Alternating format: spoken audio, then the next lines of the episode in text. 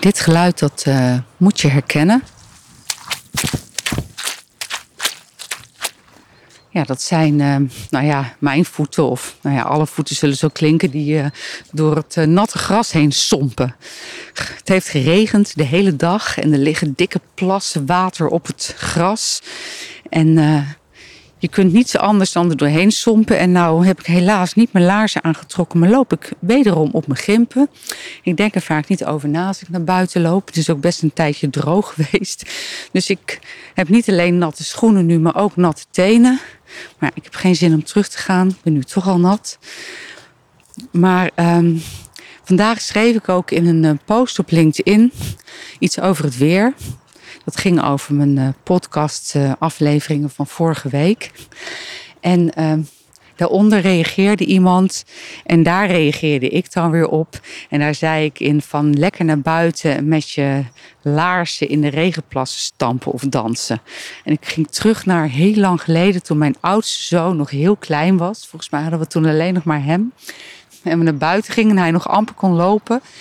En er bij ons in de straat aan het plein een soort hele hoge stoeprand is. En waar de regen nou bij hem tot aan zijn middel kwam, was nog een klein mannetje. En hij liep daar in één rechte lijn op af en ging er middenin liggen. Gewoon middenin. Voor hem was het echt een zwembad. En ik heb serieus nooit in mijn leven iemand zoveel lol zien hebben in een plas regenwater. En ik heb hem er ook maar ingelaten. Ik denk als hij het koud krijgt, komt hij er vanzelf wel uit. en die heeft daar gewoon, ja, ik, ik weet niet meer hoe lang. Het is echt lang geleden. Hij is nu twintig. Ik denk dat hij, nou, misschien twee, drie jaar was. En die heeft daar um, in dat water een soort van waterpret gehad. En daar moest ik dus net aan denken toen ik hier uh, door het water heen sompte of door het gras heen sompte. En volgens mij heeft iedereen goede herinneringen uit zijn jeugd um, als het gaat over de regen.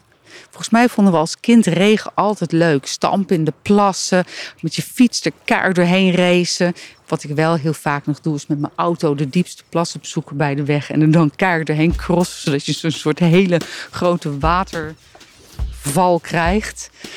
Maar um, ja, het gekke is dat we heel vaak als we ouder worden regen niet meer leuk vinden. En regen meer zien als iets, en wat we dan ook labelen als vies weer.